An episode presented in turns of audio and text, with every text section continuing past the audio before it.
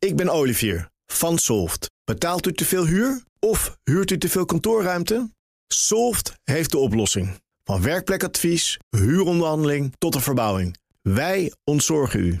Kijk voor al onze diensten op soft.nl. Sofie, een heel goedemiddag. Hey, dag Roos en Donatello. En vandaag gaat het daar in Den Haag onder andere over extra militaire steun voor Oekraïne. Daar waren natuurlijk Rutte en Hoekstra op bezoek. Daar hebben ze wat beloftes gedaan en daar moet nu nog even over gesproken worden. Ja, zojuist is het Tweede Kamerdebat begonnen. Uh, op dit moment hebben we net gesproken. Pieter Omtzigt, Jasper van Dijk van de SP. Hoekstra is naar binnen gerend. Olongren van Defensie. Hoekstra natuurlijk net terug uit Oekraïne. En uh, die hebben een brief gestuurd en beloven nu toch wel een beetje extra steun aan de NAVO. En dat gaat om een fregatschip uh, dat Nederland beschikbaar kan stellen bij een mogelijke aanval. Wat medische hulp op die schepen. Een duikteam waar ze bij explosieven kunnen opruimen. Nou, dat is het cadeautje wat Hoekstra vandaag heeft meegebracht in Den Haag aan de Tweede Kamer. Maar ik sprak van tevoren even van Dijk van de SP en die was nog niet erg onder de indruk van wat er nu ligt. Het allerbelangrijkste is dat er geen oorlog in Europa komt. Uh, het wapengekletter moet stoppen. Uh, we willen ook niet dat er Nederland wapens gaat verkopen aan Oekraïne. Uh, we moeten echt inzetten op onderhandelingen. En een oorlog in Europa moet voorkomen worden. Optreden van Rutte en Hoekstra in Oekraïne? Nou ja, er, er, komt niet zoveel uit, blijkt uit de brief die we net binnen hebben gekregen. Er ligt geen concrete wapenaanbod op tafel. Oekraïne is ook nog niet akkoord gegaan met uh, ICT-adviseurs van Rutte. Dus er zijn geen concrete afspraken gemaakt. Dus er is niet zoveel uitgekomen. Ja, die directe steun naar Oekraïne, ja, dat lijken meer een paar snoertjes te zijn. Of een ja. beetje ICT-defensieve steun. Ja, dat klinkt toch als ook de-escaleren misschien. Dat woord hoor je heel vaak in Den Haag. Mm -hmm. We willen eigenlijk geen oorlog. Misschien komt er ook geen oorlog. Nee. Um, waar trouwens wel grote zorgen over zijn, zojuist, ik sprak Olongren even van Defensie, is Mali, West-Afrika. Daar gaat nu de vlammende pan. Ja. En daar zijn wel echt hele grote zorgen over, Roos. Omdat daar nu de Russen ook met, met troepen, Wagner-troepen, bezig zijn de, ja, de uraniumbronnen eigenlijk daar een beetje onveilig te maken. En, ja, en daar is een, een koep gepleegd. En daar zitten ook Nederlandse militairen. En wat moeten we daar nou mee? Dus Poetin schaakt. Nederland hobbelt er een beetje achteraan. Ja, en we, ja, we staan toch een beetje machteloos toe te kijken hier in Den Haag, ja. hoor. Maar gaat het dan dus ook over Mali dan als, als een zijpaadje tijdens het debat? Nou, ik denk dat, dat morgen in de ministerraad daar zeker over gaat. Okay. Um, dat zei Olongren ook zojuist tegen mij. Okay. Um, er zit trouwens een Nederlandse generaal in Mali die daar uh, een VN-missie leidt. Mm -hmm. En dat gaat natuurlijk ook over energiebelangen. Hè? Ja. Uh, over kernenergie. De Fransen zijn volledig afhankelijk daarvan. En Nederland misschien in de toekomst ook. Dus ja. Poetin schaakt en in de Oekraïne. Tegelijkertijd, terwijl niemand kijkt, ontploft het in West-Afrika. Dus ja, het gaat er ook wel een beetje over. Maar dit vanavond is toch wel het Oekraïne-debat ja. waarvan de Kamer steun gaat geven aan nou ja, wat hier dan nu ligt. Hè? Ja. Een fregat, misschien een paar snoertjes. Ja, maar grappig, Sofie, wat gebeurt. Ik, ik dacht inderdaad uit, die, uit dat bezoek. Uh, te horen hebben gekregen dat het wel degelijk om iets concreets gaat. Maar als ik dan dat Kamerlid mag geloven, dan is het nou val een beetje tegen. We weten eigenlijk niet zo goed waar we ja tegen moeten zeggen. Klopt dat? Ja. Ja, ik hoor ook van Buitenlandse Zaken dat het ook echt heel erg is gegaan over toch economische belangen. Hè? Dus de handelsrelatie tussen Nederland en Oekraïne. En natuurlijk over MH17. Maar ja, alsof Oekraïne zit te wachten op Nederland. Hè? Wie zijn wij? Uiteindelijk moet je het hebben van de grote naties. Misschien Boris Johnson, ja. hè? mensen met kernwapens. De Europese Unie, de NAVO, de Amerikanen. En dan komt Mark Rutte uh, een handje geven of een box geven, zoals je hem zag doen op een foto. Ja, dat maakt nog niet heel veel indruk, denk ik. Maar goed, um, we hebben er toch een debat over vanavond. Het is belangrijk. Ja. Er, er, is een koude oorlog. Hè, bijna. Nou ja, dat, dat dreigt en dat wordt wel gevoeld. Goed, dan gaan we naar die andere crisis waar we met z'n allen in zitten. En wel de coronacrisis. Ik heb begrepen dat de Tweede Kamer een beetje de regie terugpakt, uh, terugpakt daar. Hè? Vertel. Ja, uh, grote frustratie in de Tweede Kamer eigenlijk al twee jaar. Want uh, ze lopen achter de persconferenties aan, achter de feiten, hebben eigenlijk weinig in te brengen, is het gevoel hier in Den Haag. Vandaag heeft de Tweede Kamer besloten, wij willen het anders doen. En dat betekent nu concreet, het kabinet mag die tijdelijke coronawet, dat is die kapstokwet waar al die maatregelen aan hangen, die mogen ze niet zomaar zelf verlengen met de persconferentie. Daar gaat de Tweede Kamer vanaf nu over. En dat was een voorstel van Lisa Westerveld van GroenLinks. De tijdelijke wet coronamaatregelen die regelt heel erg veel. Die regelt dat er maatregelen genomen kan worden. Maar regelt bijvoorbeeld ook de rol van burgemeesters. Uh, waar wij wel van af willen is dat de koning per koninklijk besluit kan regelen dat die wet wordt verlengd. En wij hebben gezegd ook de Kamer zou daarin het voortouw moeten nemen. Dus laten we ervoor zorgen dat voordat die wet verlengd wordt, dat dan zowel de Eerste als de Tweede Kamer zich daarover moet buigen en daar actief mee moet instemmen. Dat betekent dus voor 1 maart moet de Tweede Kamer en de Eerste Kamer bepalen of we hier op deze manier verder willen met, met ja, die tijdelijke coronawet.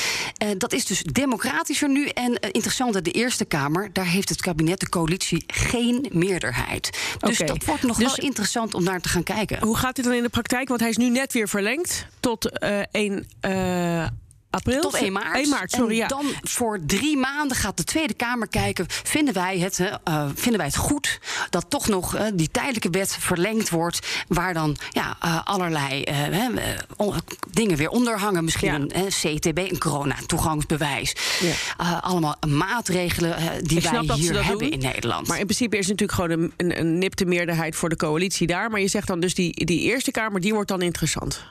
Ja, want daar ben je dan toch afhankelijk van een PvdA of een GroenLinks ja. of een Ja21.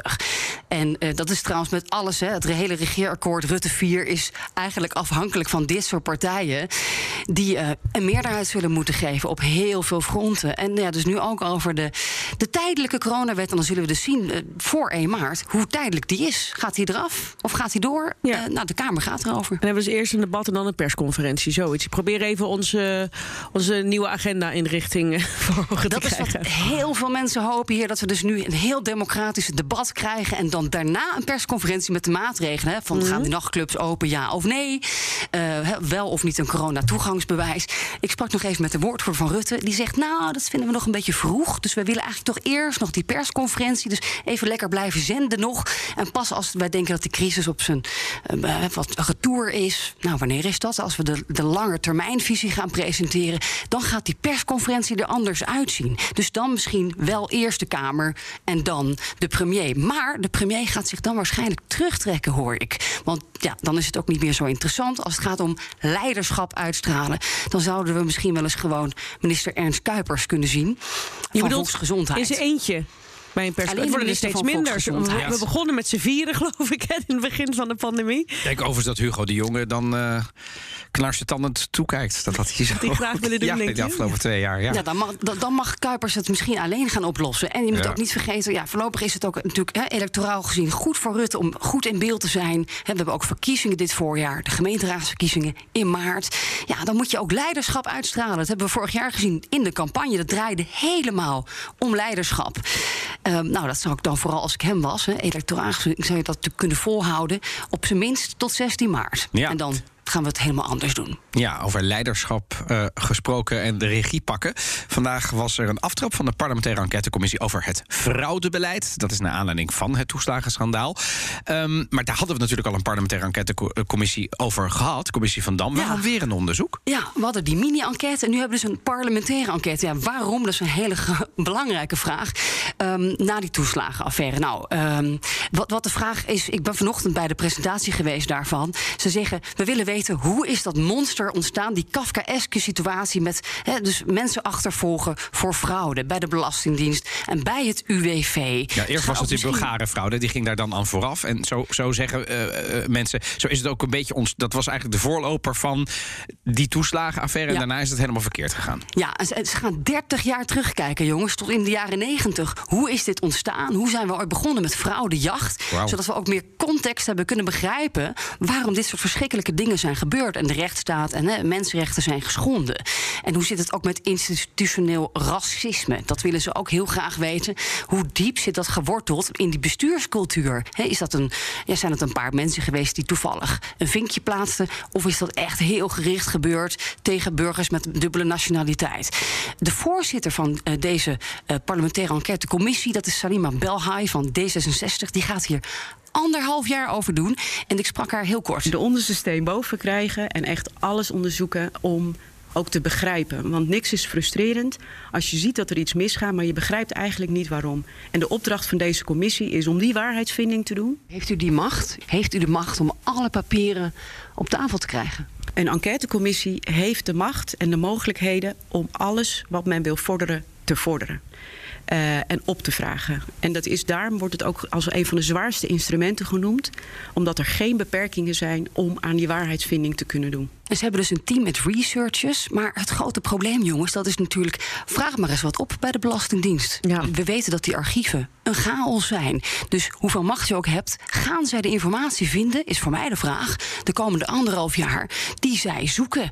Het 30 jaar terug fraudebeleid. Ook bij de ministeries zijn er, heb ik gehoord, teams opgesteld. Bij financiën, sociale zaken. Allemaal ambtenaren die nu bezig zijn met die voorbereiding van waar liggen die papieren eigenlijk? Ja. En dan hopen we nou ja, dat daar een, een interessant verhaal uh, uitkomt. Of het voor die toeslagenouders nou iets uit gaat maken, jongens. Dat vraag ik me nog wel een beetje af.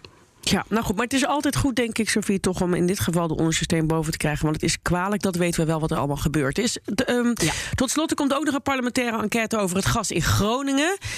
Um, ja, daar hebben we het al eerder over gehad. Hebben die Kamerleden, we, we, missen er straks een hele hoop. Die hebben helemaal geen tijd voor, voor ander Kamerwerk als je dit moet doen. Dat geven ze ook zelf toe. Uh, er zitten een uh, aantal mensen van een aantal politieke partijen in deze commissie. Die gaan het heel erg druk krijgen de komende anderhalf jaar met deze fraudecommissie. Uh, terwijl ze goede wetten moeten maken. Dus ehm, Van Nispen van de SP zit erin. Senna Matoeg van GroenLinks. Sofana Simons van Bijeen, die een eenmansfractie is, één vrouwsfractie. Die gaat, die gaat hier ook mee aan de slag. Succes, mevrouw Simons. ik vroeg het er even. Hoe denkt u dit te gaan combineren met uw kamerwerk? Uh, nou ja, in ieder geval met heel veel enthousiasme. Uh, ik denk dat dat heel belangrijk is. Uh, en het wordt inderdaad puzzelen. Maar ik vind een dergelijke taak, een dergelijke enquêtecommissie zo ontzettend belangrijk. Dat ik hoop dat men zal begrijpen dat ik iets minder zichtbaar ben in de plenaire zaal. Maar hier in deze commissie toch onderdeel wil zijn van nou ja, een, een, een lange termijn oplossing voor een groot probleem van onze overheid. Want wat voegt dit toe? Zullen veel mensen denken. We hebben al een onderzoek gehad over de toeslagenaffaire. Waarom nog een onderzoek? Nou ja, uh, voor alle inhoudelijke vragen over de commissie verwijs ik natuurlijk naar de voorzitter. Maar ik denk dat we wel kunnen stellen dat uh, een enquêtecommissie nog meer bevoegdheden heeft dan een onderzoekscommissie. En dus op een uh, andere manier nog dieper kan graven. Al dus Sofana Simons, die voorlopig wat minder te zien is in de Tweede ja. Kamer in de plenaire zaal, want ze is aan het onderzoeken. Dankjewel, Sophie. Ik ben Olivier van Solft. Betaalt u te veel huur of huurt u te veel kantoorruimte? Solft heeft de oplossing. Van werkplekadvies, huuronderhandeling tot de verbouwing. Wij ontzorgen u. Kijk voor al onze diensten op soft.nl.